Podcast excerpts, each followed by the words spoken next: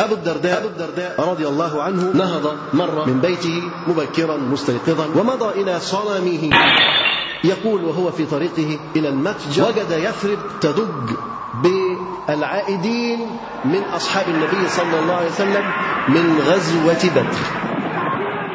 ولكن أبو الدرداء ما زال يسأل عن عبد الله بن رواحة لأن عبد الله بن رواحة وأبو الدرداء الاثنين كانوا متآخين كانوا أصدقاء كانوا أصحاب في الجاهلية أسلم عبد الله بن رواحة ولكن تخلف عن هذا الدين أبو الدرداء انتبه أنت التزمت وزميلك ما التزمش إيه إلحل؟ إيه إلحل؟ هل تقطع جميع الأواصر أم يكون هناك محاولة لدعوة هذا الزميل إلى الالتزام بدين الله تبارك وتعالى.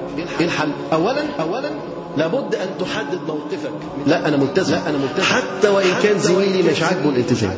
ابن رواحة. كان يتعهد أبو الدرداء رضي الله عنه ويدعوه إلى الإسلام ويرغبه ويأسف على كل يوم ويأسف على كل يوم مضى من عمره وهو مشرك. فدخل عبد الله بن رواحة إلى الحجرة التي وضع فيها أبو الدرداء صنمه وأخرج قدوما أحضره معه. هو حس إن هو هز الصنم دوت في قلب أبو الدرداء. الصنم ده اتزلزل فعلا في قلب أبي الدرداء. ويبقى أن يزول من البيت. ونحن, ونحن في قلوبنا أصنام كثيرة. تحتاج أن تحطم. تحتاج أن تحطم وكم من عابد قد أفسده العجب. آمن أبو الدرداء منذ اللحظة الأولى بالله ورسوله صلى الله عليه وسلم إيمانا بل عزم على أن يدرك الركب ويسبقهم بعد ذلك. فانصرف إلى العبادة. وأقبل على العلم إقبال ظمآن. وأكب على كتاب الله عز وجل يحفظ كلماته ويتعمق. بسم الله الرحمن الرحيم. يسر موقع صوت السلف. صوت السلف. أن يقدم لكم هذه المادة. والتي هي بعنوان أبو الدرداء بداية من الصفر. بداية من الصفر. إن الحمد لله نحمده ونستعينه ونستغفره. يهديه الله فلا مضل له ومن يضلل فلا هادي له وأشهد أن لا إله إلا الله وحده لا شريك له وأشهد أن محمدا عبده ورسوله صلى الله عليه وسلم. ثم أما بعد نبدأ الليلة بمشيئة الله في قصة الصحابي الجليل أبو الدرداء رضي الله عنه. أبو الدرداء رضي الله عنه. طبعا كثير منا يعرف قصة أبو الدرداء لكن قد لا نعرف اسمه الحقيقي. مين يعرف اسمه؟ عمير رضي الله عنه. اسمه عمير ابن مالك الخزرجي. عمير بن مالك الخزرجي. فهو من قبيلة الخزرج. وكان المجتمع المدني يتكون من قبيلتين قبيلة الخزرج وقبيلة الأوس. هم دول اللي بيكونوا المجتمع المدني. فهو كان من سادات قبيلة الخزرج. وكان من كبار تجار قبيلة الخزرج. وكان كذلك من عبدة الأوثان في قبيلة الخزرج بل كان له وثنه الخاص به الذي كان يعبده والذي كان يتقرب به. فكانت له عبادة خاصة وكانت له طقوس خاصة قبل إسلامه. أبو الدرداء بعد إسلامه رضي الله عنه صار نموذجا للزهد نموذجا للعلم. نموذجا للعبادة نموذجا للورع فأصبح مدرسة في الزهد. كيف لا؟ وقد كان صاحبه أبو ذر رضي الله عنه. ونعرف أبو ذر رضي الله عنه كان زاهدا. أبو ذر كان رجل قد باع الدنيا بل كان يقبل على الآخرة. حتى أن النبي صلى الله عليه وسلم يقول عن أبي ذر يمشي وحده ويموت وحده ويبعث يوم القيامة وحده نموذج فريد. ليس له مثيل ولا نظير في زهده وورعه وتقواه رضي الله عنه. فأبو ذر وأبو الدرداء نماذج متكررة. ولكن من أثر على من؟ ومن تلميذ من؟ لا شك أن أبو الدرداء هو تلميذ مين؟ هو تلميذ أبو ذر. لماذا؟ لأن أبو الدرداء رضي الله عنه كان آخر من أسلم من قومه. آخر يعني تأخر جدا إسلامه. لكن أبو ذر كان رابع من أسلموا أو خامس من أسلموا يعني في تاريخ إسلام أبو ذر هو رقم خمسة رقم ستة. يعني في الفوج الأول في الفوج الأول. لكن أبو الدرداء في نهاية الصف في نهاية القبيلة في نهاية مجتمعه تأخر كثيرا رضي الله عنه لكنه بعزمه وإرادته استطاع أن يكون أبو الدرداء. استطاع أن يثبت مكانته وأن يحقق فعلا هذا السمو وهذا النمو وتصبح له المنزلة في الدنيا وفي الآخرة كذلك. باجتهاده بتقواه بعبادته بزهده بعمله لله تبارك وتعالى. أبو الدرداء رضي الله عنه كان يدفع الدنيا بالراحتين والصبر. كان بيدفع الدنيا بيبعد الدنيا عن نفسه بإيديه وبصدره. يعني مش عايز الدنيا. لا يريد الدنيا لا يحب إقبال الدنيا عليه لأنه يدرك أنها إذا أقبلت الدنيا أدبرت الآخرة. إذا أقبلت عليه الدنيا وفتح قلبه للدنيا فإن الآخرة سوف تخرج من قلبه. لا يوجد مكان للاثنين معا. الدنيا تكون متربعة في القلب وكذلك الآخرة متربعة في القلب لا يجتمعان. ولكن القلب ملؤه الآخرة. حب الله تبارك وتعالى العمل لدين الله عز وجل ثم هذه الدنيا تأتي تباعا. تأتي بعد ذلك. كيف هذا؟ فمن كانت الآخرة همه جمع الله عليه شمله. ثم وأتته الدنيا وهي راغمة. الدنيا جاية جاية. لكن ما تبقاش هي اللي في قلبك. ما تبقاش هي اللي في ذهنك. ما تبقاش هي اللي شغلاك. ولكن اللي شغلك هو مرضاة الله عز وجل. كيف أرضي ربي؟ كيف أنجو من هذه الدار؟ كيف أمر على الصراط؟ كيف أتجاوز تلك العقبات؟ هذا هو ما يشغلك.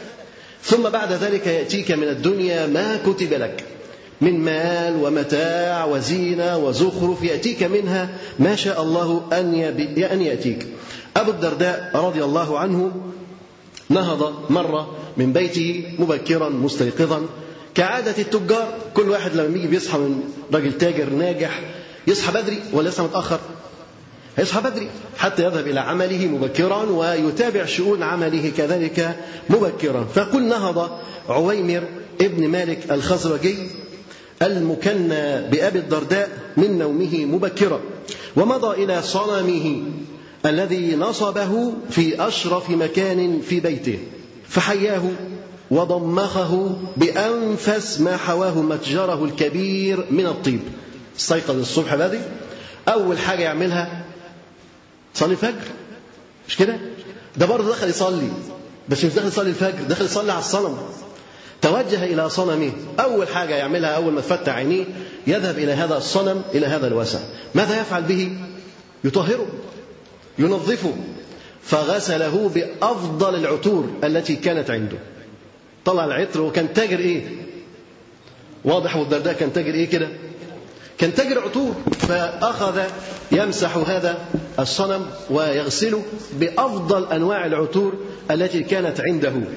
وبعد ما نظفه وطهره وطيب ريحته لأن هذه الأوثان ذات رائحة قذرة. هذه الأوثان لا قيمة لها ولا فائدة لها ولكنها مفسدة ومضرة فهو يطيبها. وهكذا أهل الباطل دائما يزينون باطله.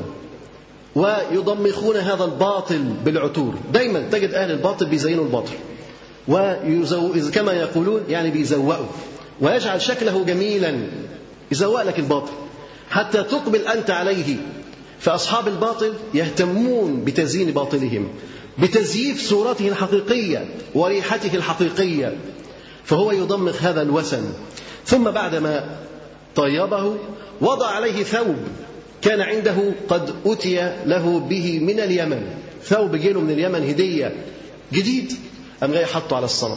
يعني بيلبسه بيعطره. يعني باسط الصنم بتاعه قوي. مروق الصنم بتاعه قوي. جايب له زينة وعطور مهتم بيه. كما ذكرنا إن أهل الباطل فعلا بيهتموا بإيه؟ بيهتموا بباطلهم. بص الاعلانات والجرايد والمجلات والدنيا كلها تتكلم وتبص تلاقيه في الآخر باطل. بس لابد من تزيينه. لابد أن يظهر بأبهى صورة. إن دوت الحضارة وإن دي التقدم وإن دي المدنية وإن دوت العطاء وإن هو ده البذل ويطلع في الآخر كل دوت ضياع وتدمير لهذه البشرية. يقول ثم ألقى عليه ثوبا جديدا من فاخر الحرير ولما ارتفعت الشمس غادر أبو الدرداء منزله متوجها إلى متجره. بعد ما الشمس يا دوبك طلعت أشرقت طلع إلى عمله مبكرا. ولا شك أن البكور فيه بركة. النبي عليه الصلاة والسلام أخبرنا أن في البكور بركة. إن في البكور بركة. يعني الإنسان لما يهم بعمل ويريد أن ينجز عمل فإذا بكر كان هذا خيرا له. يعني يصحى الفجر صلي بعد صلاة الفجر يبدأ عمله. في يقول لك لسه بدري ابدأ عملك. لو أنك قمت بالعمل في هذه اللحظات أيا كان هذا العمل؟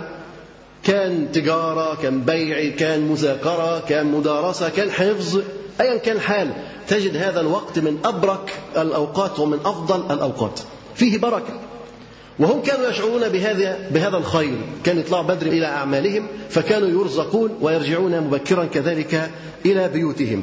فلما ارتفعت الشمس خرج إلى متجره ولكن يقول وهو في طريقه إلى المتجر وجد يثرب تضج بالعائدين من أصحاب النبي صلى الله عليه وسلم من غزوة بدر راجعين بدري عيد الصبح دول كانوا فين؟ دول أصحاب الرسول عليه الصلاة والسلام كانوا فين؟ كانوا في غزوة بدر وراجعين من غزوة بدر بخيولهم وكذلك بالأسرى أمامهم. يقول فإذا شوارع يثرب وطرقاتها تضيق بأتباع محمد صلى الله عليه وسلم وهم عائدون من بدر وأمامهم أفواج الأسرى من قريش. شاف النصر على أصحاب الرسول صلى الله عليه وسلم. يرى الأسرى أمام أصحاب النبي صلى الله عليه وسلم. ماذا فعل؟ قال فازور عنهم.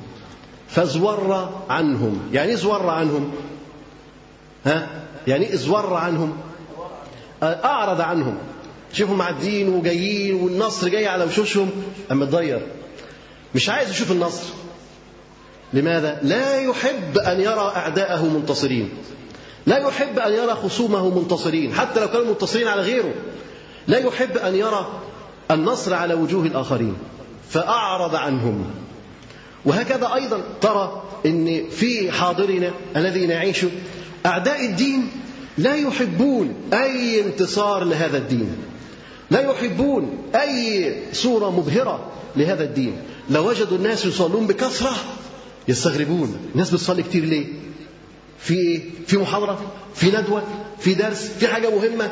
الناس بتصلي كتير ليه؟ طب وأنت مزعلك إيه في الناس تصلي كتير ليه؟ يبغضون هذا المشهد. يمقتون هذا الانتصار وهذا الفتح. هذه أمراض في القلوب مستوطنة. من زمان مش من النهاردة. ده من أيام بعثة النبي صلى الله عليه وسلم. فاطمئنوا هذه سيرة متكررة. أعداء الإسلام دائما يبغضون كل نصر كل تقدم كل فتح. دائما يبغضونه وينقضونه. ولو ما يقدرش يعمل حاجة قدامه يدار هو عنه. فازور عنهم. هو مش قادر يعمل حاجة. فازور عنهم أعرض عنهم دار نفسه لكنه ما لبث أن أقبل على فتى منهم ينتمي إلى الخزرج وسأله عن عبد الله بن رواحة رضي الله عنه بعد ما الجيش معدي لقى واحد من الشباب من الخزرج فناداه وسألوا على واحد بس من الخزرج اسمه إيه؟ عبد الله بن رواحة سألوا عليه وليه عبد الله بن رواحة؟ عبد الله بن رواحة فين؟ في جيش المسلمين يعني معنى كده ان عبد الله بن رواحة ده أسلم. ولكن أبو الدرداء ما زال يسأل عن عبد الله بن رواحة. لأن عبد الله بن رواحة وأبو الدرداء الاثنين كانوا متآخين كانوا أصدقاء كانوا أصحاب في الجاهلية. ولكن لما أتى نور الإسلام وأشرق فجر النور فجر الإسلام على هذه المدينة أسلم عبد الله بن رواحة. ولكن تخلف عن هذا الدين أبو الدرداء. شمس الإسلام أشرقت على المدينة بأسرها. الناس تفرقت. منهم من أسلم ومنهم من أعرض. فممن أسلم عبد الله بن رواحة رضي الله عنه ومن أعرض أبو الدرداء كذلك. تأخر. ولكن الرابطة اللي بينهم والعلاقة اللي بينهم خلته يسأل عنه. عمل إيه في الحرب؟ فسأل عنه فقال له الفتى الخزرجي لقد أبلى في المعركة أكرم البلاء وعاد سالما غانما. فاطمأن عليه. سأل عنه قال له ده أبلى بلاء حسنا. وانتصر ورجع. سليم وكمان معاه غنيمة. ولم يستغرب الفتى سؤال أبو الدرداء. لماذا؟ لأنه كان صديق له في الجاهلية وكانت بينه وبينه أواصر قوية. فكان متأخين كما ذكرنا في الجاهلية وفرق بينهما بعد ذلك الإسلام. فلما جاء الإسلام اعتنقه ابن رواحة. وأعرض عنه أبو الدرداء. وهذا موقف مهم جدا. ممكن تكون أنت وصديقك ماشيين في اتجاه واحد في طريق واحد في انحراف واحد. ولكن بعد ذلك يعرض عليك هذا الدين يعرض عليك الالتزام يعرض عليك التدين. أنت تقتنع أنت تلتزم لكن زميلك ما التزمش. انتبه أنت التزمت وزميلك ما التزمش. إيه الحل؟ هل تقطع جميع الأواصر؟ أم يكون هناك محاولة لدعوة هذا الزميل إلى الالتزام بدين الله تبارك وتعالى؟ اولا لابد أن تحدد موقفك من هذا الدين. أنا عايز ألتزم ولا مش عايز ألتزم؟ أنا أريد أن أكون مسلما حقا أم لا؟ قوة القرار وقوة الشخصية. لا أنا ملتزم. حتى وإن كان زميلي مش عاجبه الالتزام أنا لن أشرب الدخان. حتى وإن كان زميلي مصر على شرب الدخان أنا لن أسير مع الفتيات في الطرقات. حتى وإن كان زميلي مصر على المشي مع الفتيات في الطرقات. لابد من المفاصلة. لابد من قوة الشخصية أن تقطع أمرك. أنك لن تفعل هذا. لماذا؟ لأنك أصبحت مسلما. تفعل ما يرضي الرب تبارك وتعالى. فكانت قوة شخصية ابن رواحة رضي الله عنه أن قطع علاقته بأبي الدرداء لكن ليست كل العلاقة. قطع علاقات المودة قطع علاقات المحبة قطع علاقات الباطل الذي كان يفعلان معا. ولكن ما زالت هناك روابط تربطهما. هذه الروابط وهذه الجسور يمد من خلالها ابن رواحة النصيحة إلى أبي الدرداء. ولذلك الصديق يجب عليه أن ينصح صديقه. وأن يوجه صديقه وألا يخونه. أنت عرفت الحق عرف صديقك الحق. بين له طريق الخير. لا تقول الحمد لله أنا التزمت وتسيبه هو يهلك. لابد أن تدعوه لابد أن تنصحه. فصديقك هذا كان قرين لك وكان حبيب لك في الجاهلية. لماذا تفوز أنت وحدك؟ لماذا تنجو أنت وحدك؟ لابد من صدق التزامك أن تأخذ غيرك معك في طريق الله تبارك وتعالى. إذا لابد أن تحدد من أنت مع صديقك. هل أنت تابع له؟ إذا انحرف انحرف. إذا انحرف انحرفت. أم أنت مستقل في شخصيتك وهويتك؟ أنت رجل مسلم. لك دين لك قيم لك مبادئ لك معان تعيش عليها. إن انحرف الصديق لا أنحرف معه. لا أنحرف معه. لابد أن تكون قوي في شخصيتك. ولكن إذا انحرفت معه هذا يدل على ضعف إيمانك ضعف تربيتك ضعف شخصيتك. لابد بإسلامك تكون قويا عزيزا عظيما. أما إذا كنت ضعيف فسرعان ما تنجرف وتعود إلى الطريق المظلم مرة أخرى. بعد أن أنقذك الله عز وجل من الظلمات إلى النور أنت تعود مرة أخرى إلى الظلمات مرة جديدة باتباعك والتزامك مع قرناء السوء. إذا قرينك لابد أن تحدده وتحدد موقفك منه. من أنت مع صديقك؟ أنت ناصح أنت ترشده أنت تريد أن تأخذ بيده. فعبد الله بن رواحة لم يقطع الأواصر حتى يستطيع أن يدعو إلى الله تبارك وتعالى. لكن ذلك لم يقطع ما بين الرجلين من أواصر الإيه؟ آه يعني الأخوة التي كانت قبل ذلك. الروابط التي كانت قبل ذلك. هذه الروابط لم تنقطع.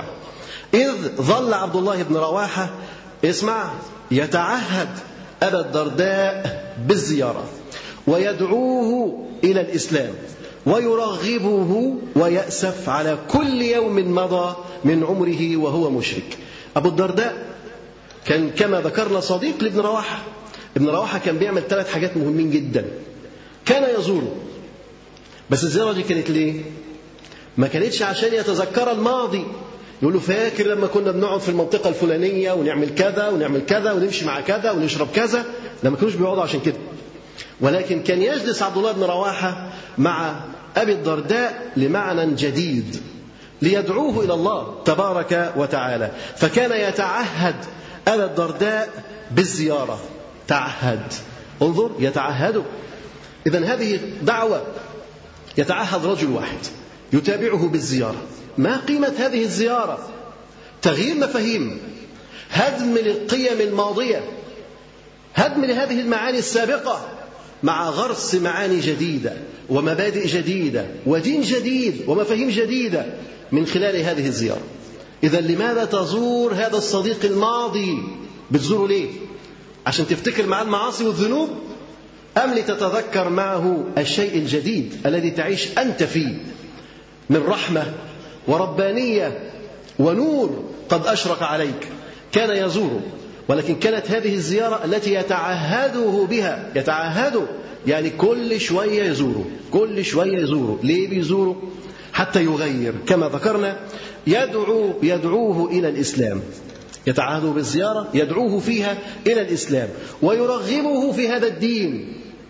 ويأسف على كل لحظة مضت في الجاهلية. ابن رواحة بيهدم الماضي ويبني الجديد. يأسف على ما مضى. يقول له الأيام اللي كانت فاتت كنا بنعبد فيها الأصنام. بئس الأيام. كنا جهلة. كنا لا نفهم كنا كذا كنا كذا كنا كذا بيحطم الماضي. وفي نفس الوقت يبني الشيء الجديد الإسلام. ماذا علمنا؟ كيف انتفعنا بهذا الدين؟ كيف رفعنا هذا الإسلام؟ كيف انتصرنا بهذا الدين؟ كيف أصبحنا أعزة؟ ينقل هذه الصورة الجديدة إلى أبي الدرداء. هو في الحقيقة يريد أن يحطم صنما كبيرا في نفس أبي الدرداء وليس في بيت أبي الدرداء. القضية ليست قضية الصنم في البيت ولكنها قضية الصنم في القلب. الصنم في القلب هذا لابد أن يدمر لابد أن يكسر. فكيف يكسر هذه الأصنام؟ لابد بالطرق يترك على هذه المعاني يهدم الماضي يأسف على الماضي يندم على الماضي ويؤسس المعنى الجديد الدين وما فيه من خير عظيم. ابن رواحة كان يتعهد أبو الدرداء رضي الله عنه ويدعوه إلى الإسلام ويرغبه ويأسف على كل يوم مضى من عمره وهو مشرك. وصل أبو الدرداء إلى متجره وتربع على كرسيه وأخذ يبيع ويشتري قضى يومه يعني وهو أثناء وجوده في السوق. ذهب ابن رواحة إلى بيت أبي الدرداء. ذهب ابن رواحة إلى بيت أبي الدرداء هم طبعا كانوا إيه؟ كانوا أصدقاء. والبيوت لها يعني عدة أبواب. باب يدخل منه إلى مكان يستريح فيه الرجال. منفصل عن بقية البيت. فابن رواحة مر على بيت أبي الدرداء وجد الباب مفتوح فسلم واستأذن. لقى زوجة أبو الدرداء داخل البيت. فمن بعيد هكذا سلم واستأذن. فهي عارفاه كان بيجي كتير لأبو الدرداء. فسلم واستأذن وقال أتأذنين يعني تأذني لي أن أدخل في غرفة أبو الدرداء؟ فطبعا قالت له اتفضل. ولا تعمل إيه؟ خد بالك بس مش اتفضل ديت بقى يعني في البيوت بتاعتنا. وتفضل مثلا يا ابن رواحة وقعد معاها. لا طبعا مفيش كلام من ده. دي حجرة منفصلة. هذا مكان منفصل زي المربوعة اللي عند العرب كده أهو. حجرة ليها باب بيدخل فيها الرجالة سواء كان صاحب البيت موجود أو مش موجود يقعدوا فيها. ما حدش يأتيها هذه الحجرة. فاستأذن ودخل هذه الحجرة حجرة أبو الدرداء. فقال أتأذنين فقالت على الرحب والسعة. تفضل. يعني بيت بيتك تفضل. على الرحب والسعة. وأفسحت له الطريق ومضت إلى حجرتها وانشغلت عنه بإصلاح شأن بيتها ورعاية أطفالها. تفضل. وقامت فتحة له البيبان وسلكت السكة وبعدت هي ودخلت في حجرتها وأغلقت عليها الأبواب وهو قاعد في أوضة مين؟ قاعد في أوضة مين؟ عبد الله بن ها؟ أبو الدرداء قاعد في غرفة أبو الدرداء طبعا قاعد لوحده الغرفة دي فيها إيه؟ فيها الصمت فدخل عبد الله بن رواحة إلى الحجرة التي وضع فيها أبو الدرداء صنمه وأخرج قدوما أحضره معه ده ناوي بقى على إيه؟ ناوي على خير. يا حاج ده خير. ناوي على الخير جاي من بيته وحاطط القدوم في جيبه. مش لسه هيدور؟ يا رب الصنم قدامي أعمل فيه إيه؟ لا. ده مخطط للموضوع. ده جاي عارف إن دي آخر مرحلة. آخر مرحلة إزاي؟ هو حس إن هو هز الصنم دوت في قلب أبو الدرداء. حس إن الصنم اللي في قلب أبو الدرداء ده جات له هشاشة عظام خلاص. ما عادش ينفع إنه يصمد مرة أخرى. الصنم ده اتزلزل فعلا في قلب أبي الدرداء. ويبقى أن يزول من البيت. اذا انتبه. ليست أول خطوة أن يحطم الأصنام الظاهرة. لا مش دي أول خطوة. أول خطوة إنك أنت تحطم الأصنام جوه القلب. هي دي الأهم. ممكن واحد يشرب سجاره عابد للسجارة. تقول إزاي عابد للسجارة؟ أقول لك مش قادر يبطل. أسير السجارة. صنم في قلبه. اسمه سيجاره اسمه مخدرات اسمه نساء اسمه كذا اسمه كذا. مرض في القلب. هذا لا يكفيه أن يقطع السيجارة ويرميها. لا يكفي هذا. ده تحطيم خارجي وظاهري للصنم. لكن هل تحطمت السيجارة في قلبه؟ هل تحطم حب النساء في قلبه؟ لا لم يتحطم. لابد أن يتحطم اولا. لابد أن يتحطم. ولذلك كان دور ابن رواحة مع أبي الدرداء أن يحطم هذا الصنم داخله. بكثرة الحوار بكثرة الزيارات يتعهده بالزيارة. زيارة موجهة يفعل معها كل ما يريد خطوة خطوة. يعرف إن هذه الزيارة سيتكلم مع أبي الدرداء في أمر ما. محدده. يروح يتكلم عن موضوع ويمشي. زيارة تانية يتكلم في موضوع تاني. زيارة تانية يتكلم في موضوع تاني. كثرة الزيارات مع كثرة الموضوعات تحطم هذا الصنم. ويأتي بعد ذلك الدور العظيم في إزالة هذا الصنم فعلا من الحجرة حتى ينتهي عبادة هذا الوثن في القلب وفي كذلك في الحجرة. ونحن في قلوبنا أصنام كثيرة. أصنام كثيرة. واحد يقول لك إحنا ملتزمين الحمد لله. لا بنشرب سجارة ولا جوزة ولا بانجو ولا مخدرات ولا ده إحنا ملتزمين. لكن هناك أمراض في قلوبنا تحتاج أن تحطم. هناك أصنام في قلوبنا تحتاج أن تحطم. حب الظهور حب الرياسة العجب الكبر الغرور كل هذه الأمراض أصنام تحتاج أن تحطم. كل واحد بيحافظ على صنمه.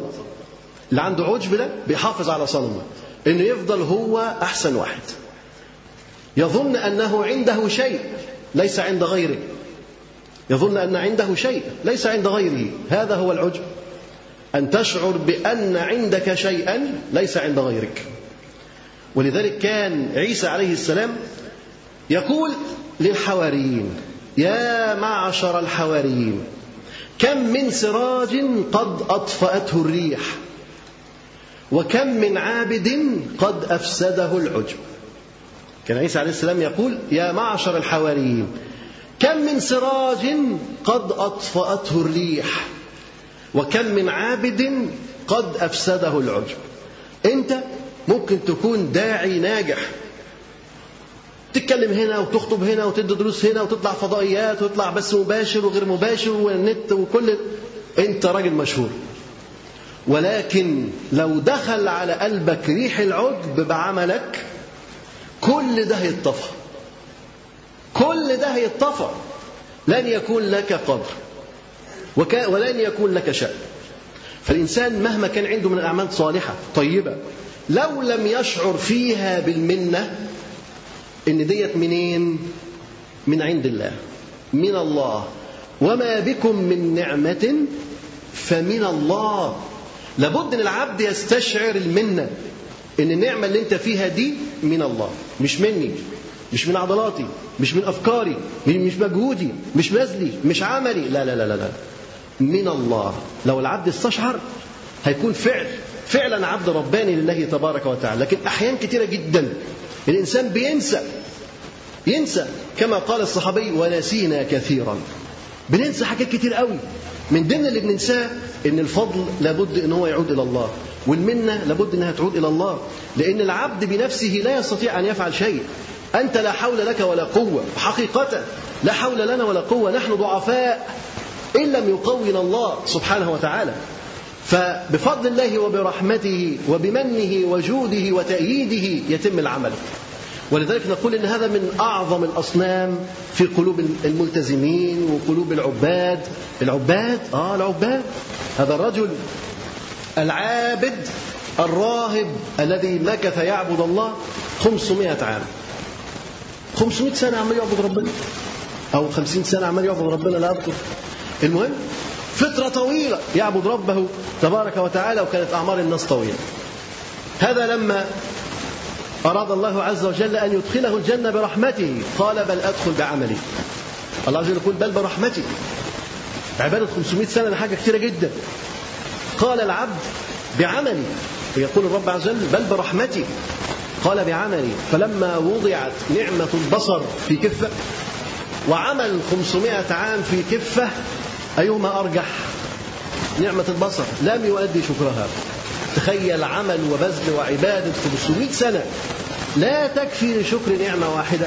هذا أعجب بعمله. ظن أنه عنده شيء. ظن أنه بذل مجهود عابد لمدة 500 سنة. فلما أعجب بعمله أحبط هذا العمل. دخول الجنة برحمة ربنا عز وجل. هذه الأعمال تنفع. تنفع على الصراط تنفع في أرض المحشر تنفع في النور على الصراط تنفع في أشياء كثيرة جدا. ولكن دخولك الجنة ده بفضل ربنا عز وجل وبرحمته ما هوش بعملك. نحن إذا عوملنا بالعدل عذبنا ويمكن ما يدخلش الجنة. لو عملنا بالعدل لكن برحمة الرب عز وجل ننجو ونفوز. المهم أن هناك أصنام كثيرة جدا نحن نحتاج إلى تحطيمها في نفوسنا. حب الظهور. حب الرياسة العجب هذه من الأمراض القاتلة التي تقتل الإنسان. فمن كان في نفسه شيء فهو عند الله لا شيء. اللي يحس إن هو في نفسه حاجة وإن هو له قيمة وإن هو مهم فهو عند الله لا شيء. ملوش قيمة أبدا. يضيع. يضيع تماما. ولذلك هذا الصنم فعلا محتاجين نكسره عشان نكون أطوع لله عز وجل وأخلص لله تبارك وتعالى. إذا القضية مش قضية وسم من حجارة أو صنم حجاري فقط لا. هناك أصنام في قلوبنا لابد أن نتخلص منها. أصحاب الشهوات أصحاب الأمراض القلبية لابد أن يتخلصوا من تلك الأمراض كلها. المهم أن عبد الله بن رواحة دخل الحجرة التي وضع فيها أبو الدرداء صنمه وأخرج قدوما أحضره معه. معنى كده أن أبو الدرداء إن, إن ابن رواحة يتحرك بترتيب. عارف هو بيعمل إيه. محدد هدفه ومحدد مراحل هذا الهدف. مرات كثيرة هيزور أبو الدرداء. مرة واثنين وثلاثة وأربعة ومرة تانية هيزوره وهو مش في البيت. علشان يكسر الصنم. ويكسر آخر حاجز بينه وبين الإسلام يرتب أنت كداعي إلى الله عز وجل لابد أنك أنت ترتب خطواتك مع المدعو. أنت بتدعو واحد بس. إيه خطواتك تجاه تحويله؟ من عابد صنم حتى لو كان الصنم ده في قلبه لرجل آخر يعبد ربه تبارك وتعالى. إيه مراحل التحويل؟ إيه مراحل التغيير؟ لابد أن تخطط لها أنت. لابد أن تسير فيها خطوة خطوة حتى تنتقل به من الظلمات إلى النور. كما فعل ابن رواحة رضي الله عنه وأخرج هذا القدوم. لابد للاستعداد لهذه المهمة. أنت تدخل في نقاش في حوار لابد من التعلم لابد من حفظ الأدلة لابد من دراسة المسائل دراسة واعية. لابد من الأخذ بالأسباب. فأحضر معه القدوم حتى يكسر به هذا الصنم. ومال على الصنم وجعل يقطعه به. قاعد يكسر في الصنم. حتة حتة. قدوم صغير. يكسر يكسر يكسر. جزء جزء وهو يقول ألا كل ما يدعى مع الله باطل؟ ألا كل ما يدعى مع الله باطل؟ كل حاجة تدعى مع الله جل دي عبادة باطلة لا قيمة لها. كسر الصنم خلاه قطع قطع مرمية على الأرض. فلما فرغ من تقطيعه غادر البيت. خلص المهمة وقام جاي ساب لها الأوضة ومشى قول بقى ساب لها مصيبة ومشي. لأن أبو الدرداء راح يرجع يشوف المنظر ده يسكت لزوجته. ده صنم اتكسر ده إله المعبود اتحطم. هل يسكت أبو الدرداء؟ دي مشكلة كبيرة جدا. فترك البيت وانصرف. دخلت أم الدرداء الحجرة تتابع الموقف بعد ابن رواحة. فصعقت. أول ما بصت الصنم كده لقيته إيه؟ أجزاز. لقيته أشلاء. لقيته فتات. لقيته صخور متناثرة على الأرض. هو ده الإله؟ مبعثر؟ طبعا قعدت تلطم على وشها وتندب حظها علشان دخلت ابن رواحه البيت. فصعقت حين رأته وقد غدا أجذاذا ووجدت أشلاءه مبعثرة على الأرض. وجعلت تلطم خديها قعدت تلطم على وشها وهي تقول أهلكتني يا ابن رواحة أهلكتني يا ابن رواحة وما هو إلا قليل. ثم جاء من؟ مين اللي جاي بقى خلاص؟ أبو الدرداء. أبو الدرداء رجع بيته. قال لم يمضي غير قليل حتى عاد أبو الدرداء إلى منزله. طبعا هذه المرأة قاعدة بره. مستنية تستقبله على باب على باب الحجرة. عشان هو ما يدخلش هو ويتصدم بالموقف. قاعدة مستنية بره. لم يمض غير قليل حتى عاد أبو الدرداء إلى منزله فرأى امرأته جالسة عند باب الحجرة. التي فيها الصنم وهي تبكي وتنشج قاعدة تبكي وتعيط وتصوت لكنها ميت لها ميت بس ده ميت كبير قوي. ده صنم ده الإله. يعني حاجة تستاهل البكاء. قاعدة تبكي وتنشج وعلامات الخوف منه بادية على وجهها. فقال ما شأنك؟ قالت أخوك عبد الله بن رواحة جاءنا في غيبتك. إيه اللي فيكي قالت لي أخوك عبد الله بن رواحة. أخوك. ماليش دعوة أنا ده هو أنتوا الأصحاب جاء وأنت مش موجود ودخل الحجرة وعمل اللي عمله. وصنع بصنم كما ترى. فنظر إلى الصنم فوجده محطما فاشتاط غيره. بص للصنم كده لقاه حتت حتت كده جن إيه اللي حصل للصنم؟ إيه اللي حصل للاله اتنرفز اتعصب. طبعا ما ضربش الست بقى خلاص مش هضربها ولكن اتنرفز جدا وتعصب جدا على هذا الصنم. ولكن بعد قليل هدأت ثائرته بعد شوية سكت كده وقعد يفكر. وإيه اللي بيحصل في الدنيا ديت؟ ففكر فيما حدث ثم قال لو كان هذا الصنم لو كان في هذا الصنم خير لدفع الأذى عن نفسه. بص كده الصنم وهو مكسر قاعد يفكر قال الصنم ده لو فيه خير؟ كان دفع الشر عن نفسه. كان دفع الأذى عن نفسه. ده ما فيهوش خير. هذه العبارات متى ظهرت؟ ظهرت الآن. لماذا ظهرت الآن؟ هذه ليست وليدة لحظة. هذا التفكير وهذه الصراحة ليس وليد لحظة ولكنه أثر الزيارات المتكررة. عبد الله بن رواحة كان بيروح يعمل إيه؟ ما كانش بيروح يتسامر ولا كان بيروح يسهر على أطلال الماضي ولكن كان بيروح يكسر القيم والمعاني والمفاهيم الجاهلية ويضع ويؤسس ويغرس أعمدة خرسانية جديدة. للدين الجديد في قلب أبو الدرداء. ولذلك أبو الدرداء لما وجد الصنم مكسر محطم فكر. مع إنه مش هيفكر. أصول واحد زيه ما يفكرش. لا إله متحط على الأرض مش هيفكر. لكنه أخذ يفكر نتيجة الكلام القديم الذي غرسه ابن رواحة في عقله. فلما نظر إليه قال لو كان في هذا الصنم خير لدفع عن نفسه الأذى. طيب قراره هيلمه ويعمل صنم جديد؟ خد بالك هذه النظرة فيها إنصاف. أنت لما تقف مع مشكلتك وتبقى صادق مع مشكلتك توصل للحل. لكن لما تلف وتدور وتراوغ مش راح توصل للحل. الآخر أبو الدرداء ما لفش وما دارش كان صادق مع نفسه. قال ده صنم. لم ينفع نفسه. يبقى هينفع غيره؟ ما يستاهلش العبادة. فتركه وانصرف متجها إلى آين؟ إلى ابن رواحة. عشان بقى يضربه ويكسره وياخد بالطار ولا في وجه جديد؟ أكيد هيكون في وجه جديد. قال ثم انطلق من توه إلى ابن رواحة. فنظر إليه ابن رواحة مقبلا. ابن رواحة كان قاعد مع الرسول صلى الله عليه وسلم. فنظر لقى ابن إيه؟ لقى أبو درداء جاي جاري عليه خايف قال لك ده جاي يعمل إيه؟ جاي ينتقم. ده شيء طبيعي جاي ينتقم. فقال ابن رواحة لما رآه مقبلا يا رسول الله هذا أبو الدرداء وما أراه إلا جاء في طلبنا. قال له ده أبو الدرداء؟ وأنا شايف إن هو جاي هياخدنا جاي عايزنا جاي يحاسبنا على اللي إحنا عملناه في بيته. فقال النبي صلى الله عليه وسلم إنما جاء ليسلم. شوف رأس الرسول عليه الصلاة والسلام. قال لا مش كده. إنما جاء ليسلم. الوجه اللي جاي ده مش جاي يضرب مش جاي يشتم مش جاي ياخد بالطار. وإنما جاء ليسلم. إن ربي وعدني بأبي الدرداء أن يسلم. ده وعد من ربنا عز وجل. ربنا وعد رسوله صلى الله عليه وسلم إن أبو الدرداء دوت هيسلم. إن ربي وعدني بأبي الدرداء أن يسلم. حتى تشعر إن الفضل بيد الله. إن دي منة من الله سبحانه وتعالى. ربنا عز وجل هو اللي من على ابو الدرداء حتى يسلم. لكن كانت كل دي خطوات حتى يدخل في دين الله عز وجل. يذهب إليه ابن رواحة ويكلمه ويكسر الصنم ويرجع أبو الدرداء في يد النبي صلى الله عليه وسلم. قال إن ربي وعدني بأبي الدرداء أن يسلم. أبو الدرداء لما أسلم وأشرقت فيه شمس الإيمان لم تغرب.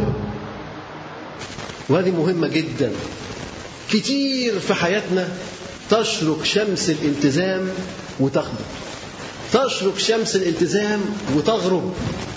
لكن أبو الدرداء بمجرد ما أشرقت فيه شمس الالتزام لم تغرب. لماذا؟ صدق في الالتزام. صدق في الإيمان. صدق في العمل لدين الله تبارك وتعالى. كيف هذا؟ كان يطبق كل ما يتعلمه. كل حاجة كان بيتعلمها كان بيطبقها. ولذلك أصبح يفهم الإسلام فهما عميقا ويطبقه تطبيقا دقيقا. فلم يفتر ولم يكسل ولم يتردد ولم يترك هذا الطريق الذي صار فيه. لأنه من البداية عارف أنه طريق الحق. كيف يتردد عنه؟ كيف يرجع من هذا الطريق؟ فبمجرد شروق وإشراق هذا النور في قلبه لم يغرب. لم تغرب شمس الإيمان من قلبه لأنه كان يتبع العلم بالعمل بل لأنه كان صادقا في التزامه كان صادقا في حبه للطاعة والعبادة كان صادقا في حبه لطريق الله تبارك وتعالى ولذلك أشرقت شمس الالتزام وشمس الإيمان في قلبه فلم تغرب رضي الله عنه وأعلن دخوله في دين الله فكان آخر أهل حيه إسلام. آخر واحد. آخر واحد. طب ده آخر واحد ييأس. يقول لك يا بيت في الآخر خلاص ما فيش فايدة. لا بقى في الآخر لكن له همة عالية. هو في الآخر فعلا. لكن أبو الدرداء بيفكر إزاي يبقى في الأول. ودي أظن حاجة صعبة جدا. إنك أنت تبقى في الآخر وبتفكر إزاي تبقى في الأول. أي همة هذه. لا شك إنها همة تفوق الجبال. همة قوية همة عظيمة. رجل في الآخر في الآخر.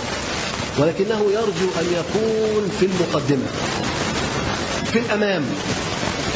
آمن أبو الدرداء منذ اللحظة الأولى بالله ورسوله صلى الله عليه وسلم. إيمانا خالط كل ذرة في كيانه. الإيمان دخل قلبه دخل عروقه دخل جوارحه. صادق في إيمانه. عشان كده قلنا إن هو فهم الإسلام فهم دقيق. فهم الإسلام صح. ولما جه يطبق طبق تطبيق دقيق. لم يخالف. الفهم العميق مع التطبيق الدقيق لهذا الدين ولا لهذه الشخصية القوية؟ شخصية خرسانية. شخصية جذورها تضرب في أعماق الأرض لترتقي بعد ذلك إلى السحاب. هكذا رب النبي صلى الله عليه وسلم أصحابه. بالفهم العميق والتطبيق الدقيق لدين الله عز وجل. طبقش على سطر وسايب سطر. ماشي كده هو اللي يعجبه يعمله؟ لا هو منقاد لكتاب الله ولسنة رسول الله صلى الله عليه وسلم. ولذلك لم تغرب شمس الالتزام من قلبه. لم يغرب عنه شمس الإيمان ولكن كان دايما في ارتقاء وزيادة ونمو وسمو. هكذا الشأن. طالما أنت تتبع العلم العمل لابد أن تتقدم إلى الأمام. كل يوم بتتعلم حاجة جديدة وبتطبقها. هتمشي خطوة لقدام ولا تفضل محلك سر. قطعا خطوة لقدام. النهارده اتعلمت حديث وطبقته. اتعلمت آية وطبقتها. كل يوم بتتعلم جديد. كل يوم بتزيد. كل يوم بتتقدم للأمام بل ترتقي إلى السماء. قال وندم ندما كبيرا على ما فاته من خير. وده شيء ضروري جدا. إنك أنت لما تشوف نفسك فين تلاقي نفسك في الآخر تلاقي نفسك في آخر العاملين في آخر الباذلين في آخر المؤمنين تندم إنك اتأخرت. اتأخرت وفاتك خير كتير. الناس اللي قبليك خدوه الناس اللي قبليك تنعموا بيه وانت اتحرمت منه. تندم على هذا الحرمان. انهم أنهم وفقوا وحرمت. أنهم قبلوا وطردت.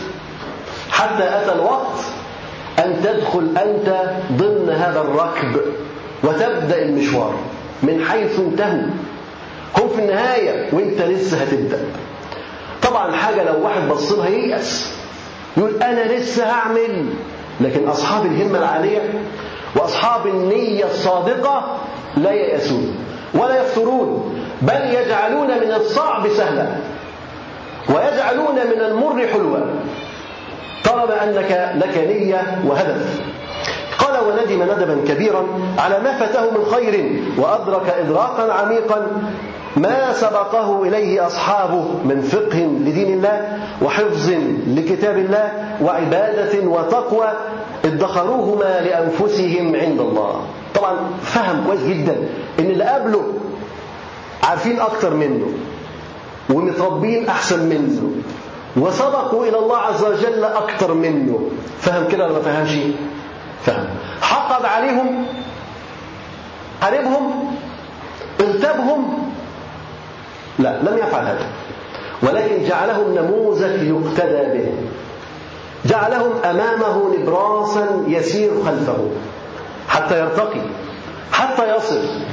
لأن أبو الدرداء قد حطم كل الأصنام.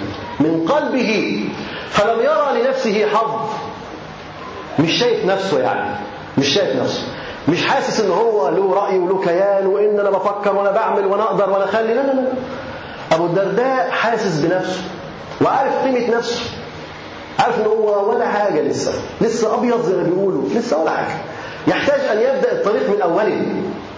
يحتاج إلى أن يخطو أول خطوة. عيب عليه لما يبص للسابقين ويفضل يتكلم عليهم ويحاربهم ويغتابهم ويكسرهم. يبقى لسه النفوس مريضة يبقى لسه الأصنام ما اتكسرتش. لكن ابو الدرداء كان كسر كل الأصنام. عشان كده لما بص للسابقين لما بص لمن قبله في الطريق لمن سبقوه في هذا الضرب احترمهم وقدرهم وجعلهم له قدوة. بل وعون يستعين بهم على الوصول إلى ما يريد. ولذلك كان دائما الجلوس مع ابن رواحة. كذلك أبو ذر رضي الله عنه الذي كان أستاذا له في الزهد والعبادة والورع والتقوى أخذوا بيديه حتى يعبر حتى يعبر. هتسمع في الآخر أن أبو الدرداء ده واحد من ستة انتهى إليهم العلم. إيه ده؟ كده آه بقى واحد من ستة انتهى إليهم العلم. يعني دول العلماء الفقهاء. ده كان منشأه ده أبو الدرداء كان ولا حاجة. ولكن لإخلاص قلبه وصدق نيته استطاع أن يرتقي وأن يعبر وأن يصل إلى هذه المراحل كلها. فلم يبغض أصحابه ولم يبغض إخوانه ولكنه عزم على تغيير نفسه بنفسه مع المربي نفسه الذي ربى أقرانه. وهذه مساله مهمه جدا. راى اصحابه قد سبقوه. من الذي رباهم؟ النبي صلى الله عليه وسلم. هو المربي. إذا إذا أراد أن يرتقي ويصل إلى ما وصلوا إليه يختار مربي جديد ولا نفس المربي؟ يختار منهج جديد ولا نفس المنهج؟ لابد أن يسلك نفس المنهج مع نفس المربي مع نفس الطريقة حتى يصل إلى ما وصلوا إليه. وهذا ما فعله أبو الدرداء رضي الله عنه. اختار لنفسه أن يتربى مع نفس المربي الذي ربى الجيل السابق حتى يصبح مثلهم حتى يسير على دربهم. وأنت لابد أن تطمئن فإذا كنت على ضربهم فما أسرع اللحاق بهم. إذا كنت على ضربهم فما أسرع اللحاق بهم. لو كنت ماشي على طريقهم هتوصل لهم.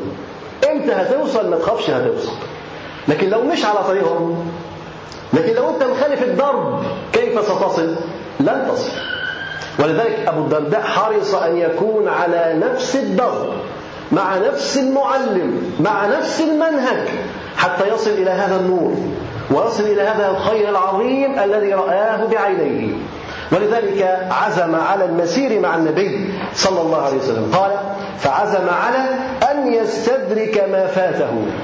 عزم أن يستدرك ما فات وحس إنه فاته الناس دي تقدمت بجهد بوقت ببذل بعناء سبقوا. هو حس إن الناس دي فعلا بذلت. الناس دي فعلا سبقت. طب إزاي هستدرك ما فات؟ بالنوم والكسل والخمول أم بالبذل والجهد والمجهود؟ كذلك فعل. قال فعزم على أن يستدرك ما فاته بالجهد الجاهد. يعني هيبذل قصارى جهده حتى يصل إلى ما وصلوا إليه. وأن يواصل كلال الليل بكلال النهار. هيواصل الليل بالنهار؟ واحد عايز يوصل. هينام بالليل ويمشي بالنهار ولا يفضل ماشي ليل نهار؟ يعمل إيه؟ واحد عايز يوصل بسرعة. يمشي بالنهار وينام بالليل ولا يمشي بالليل والنهار؟ يمشي بالليل والنهار. لابد أن يمشي ليلا ونهارا حتى يصل وبسرعة. ولذلك واصل كلال الليل بكلال النهار حتى يلحق بالركب ويتقدم عليهم. بص هذه هذه التصورات وهذا البرنامج الذي في ذهنه ماذا يريد؟ أبو الدرداء يريد أن يستدرك ما فاته يريد أن يلحق بالركب. بس كده لا ويتقدم عليهم إذا أبو الدرداء حدد هدفه عايز إيه أبو الدرداء؟ عايز إيه؟ حد يقول لي عايز إيه أبو الدرداء؟ عايز السباق دي عايز؟ عايز السباق عايز السباق عايز إيه تاني؟ عايز يلحق بالركب أبو الدرداء عايز إيه؟ عايز يلحق بالركب بس كده ويتفوق مش دي آخر أمانيه ولكن كان ذو همة عالية همة قوية. أراد أن يدرك الركب. يلحقهم بس الأول يلحقهم. وبعد ما يحصلهم ويمشي جنبهم يبدأ يعمل إيه؟ يسابقهم يسابقهم. همته لا تقف عند المساواة بينه وبينهم ولكنه يريد أن يلحق وبعد ذلك أن يسبق. طب تفتكر دوت محتاج جهد ولا لأ؟ ولذلك كان يبذل جهده ويصل كلال الليل بكلال النهار. جهد الليل بجهد النهار. عبادة وصلاة وطاعة وقراءة قرآن وفقه وعمل وبذل وجهاد يتحرك بأضعاف الجهد الذي يتحرك به أصحاب الرسول صلى الله عليه وسلم. بيبذل مجهود مضاعف حتى يصل إلى ما وصل إليه. انظر. عايز إيه؟ يريد أن يلحق بالركب ويتقدم عليهم جزأ هدفه. هدف كبير. عايز يسبق. عايز يبقى قدامهم طب إزاي يحققه؟ هذا الهدف الكبير. جزأ الهدف. ودي مسألة مهمة أيضا. أننا ربما تكون لنا أهداف كبيرة. ولكن نعجز أن نصل إليها دفعة واحدة. طب ماذا نفعل؟ نجزئ هذه الأهداف. نخليها على مراحل. يعني مثلا أنت عايز تبني برج كبير جدا خمسين دور هتصب كله مرة واحدة ولا تعمله على مراحل؟ عشر أدوار في عشر أدوار في عشر أدوار لغاية ما تخلص. مراحل مراحل حتى تنتهي. عايز مثلا ترصف البلد هتشيل الرصفان مرة واحدة وتهدها وتسيب البلد من غير رصفان ولا حتة حتة؟ أكيد حتة حتة عشان إيه؟ الناس تعرف تمشي على الطريق ما يقعوش. عايز تسافلت البلد هتسافلتها مرة واحدة تشيل الأسفلت كله وتسيب الناس تتدمر وتقع في المجاري والبلاليع؟ ولا هتبقى منطقة منطقة وجزء جزء لابد من تحديد الأجزاء اللي أنت تشتغل فيها. هكذا فعل أبو الدرداء رضي الله عنه. كان هدفه أن هو يسبق. ولكن أدرك أن هذا السبق لا يكون إلا بإدراك الركب يعني دلوقتي ناس بتجري قدامك. طبيعي عشان تسابقهم لازم تجري عشان تساويهم. وبعد ما تساويهم تعمل إيه؟ تتقدم عليهم. هو فكر كده وده الصح. فأدرك أن الأمر يحتاج إلى جهد كبير. فعزم على أن يدرك الركب. ما يأس بقى وقال لك أنا متأخر ده أنا فاتني كتير ده أنا كفاية أن أنا مسلم. ويمن على الله عز وجل لا ما قالش ده كفاية أنا مسلم. احمدوا ربنا أن أنا مسلم. احمدوا ربنا أن أنا بصلي. لا ما قالش كده. بل عزم على أن يدرك الركب ويسبقهم بعد ذلك. فانصرف إلى العبادة. كيف سيدرك وكيف سيسبق؟ مش بالكلمات بقى مش بالكلمات الرنانة ولكن بالفعل. فكيف كان الفعل؟ فقال فانصرف إلى العبادة انصراف متبتل. يعني إيه انصراف متبتل؟ انصرف إلى العبادة انصراف متبتل. ها؟ معترف. إيه تاني؟ معتكف. إيه تاني؟ منقطع. أي نعم منقطع للعبادة. انصرف للعبادة مفيش في ذهنه غير العبادة. انقطع للعبادة. تخيل أنت لما تنقطع على مذاكرة عدة ورقات. ما تعملش حاجة غيرهم. هتخلصهم ومش هتخلصهم؟ هتخلصهم. فهو انقطع للعبادة. وطريق العبادة هو أيسر الطرق وأقوى الطرق للوصول إلى القمم. حتى تصل إلى القمة بالعبادة. بالعبادة. ما انتصر النبي صلى الله عليه وسلم في غزواته إلا بكثرة العبادة. مش كده؟ كان في غزوة الخندق يذهب الرجل ويرجع إلى الرسول فيجده يصلي. يجد يصلي. حذيفة رضي الله عنه لما يذهب ويرجع وجد الرسول عليه الصلاة والسلام ماذا؟ قائما يصلي. قائما يصلي. كان الصديق رضي الله عنه يرى الرسول عليه الصلاة والسلام يدعو ربه حتى يسقط الرداء من فوق منكبيه عبادة عبادة. بالعبادة ترتقي إلى القمة. وليس الشأن أن تصل إلى القمة. سهل جدا الوصول إلى القمة. ولكن الشأن أن تثبت عليها. ليس الشأن أن تصل إلى القمة. ولكن الشأن أن تثبت على هذه القمة. الإنسان ممكن يأتي عبادات عظيمة جدا جدا لأعلى قمة لذروة النشاط البشري. خلاص كويس كده؟ وماذا بعد؟ النجاح أن تصمد على هذه القمة أن تثبت على هذه القمة. لكن الحقيقة أن العبد بعدها بيحصل إيه؟ بيحصل له فتور ويسقط عن هذه القمة. ولذلك بيقول إيه؟ إن, إن النجاح الحقيقي هو الصمود على هذه القمة. وليس الوصول فقط إلى هذه القمة. فالعبد إذا كان يقوم بعبادات كثيرة ولكنها يسيرة عبادات كتير لكن يسيرة. قيام الليل مش هنقول إن هو يصلي مثلا 21 ركعة و... لا ده ممكن يصلي ركعتين أربعة. ولكن مستمرة فهذا خير هذا خير لأن القليل الدائم أفضل من الكثير المنقطع. فكانت عبادتهم رضي الله عنهم مستمرة وكثيرة وكثيفة رضي الله عنهم. فانصرف إلى العبادة انصراف متبتل وأقبل على العلم إقبال ظمآن. يبقى عبادة وعلم عبادة وعلم. وأكب على كتاب الله عز وجل يحفظ كلماته ويتعمق في فهم آياته. يبقى عبادة وعلم وحفظ للقرآن مش حفظ سطور. ولكن يتعمق في فهم آيات الله تبارك وتعالى. وأبو الدرداء اشتهر بعد ذلك بعبادة عظيمة عبادة التفكر. كانت تسأل أم الدرداء عن عبادته رضي الله عنه فكانت تقول التفكر. كان يتفكر في آيات الله تبارك وتعالى. وهذه من أعظم العبادات أعظم العبادات التي يعني نراها ويتمتع بها العبد إن في خلق السماوات والأرض واختلاف الليل والنهار لآيات لأولي الألباب. الذين يذكرون الله قياما وقعودا وعلى جنوبهم ويتفكرون في خلق السماوات والأرض. ربنا ما خلقت هذا باطلا. سبحانك فقنا عذاب النار. ويتفكرون في خلق السماوات والتفكر عبادات كثيرة جدا من أعمق هذه العبادات التفكر. انك تتفكر في خلق الله عز وجل تتفكر في السماوات والأرض تتفكر في نفسك وفي أنفسكم أفلا تبصرون؟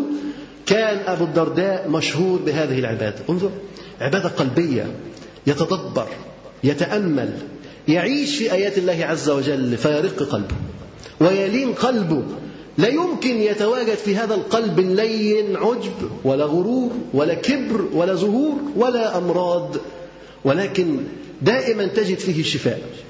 ولذلك اهتم هو رضي الله عنه بالعبادة. ونقول كل داعي إلى الله عز وجل لابد أن يكون له زاد من العبادة كما أن له زاد من العلم وكتاب الله تبارك وتعالى.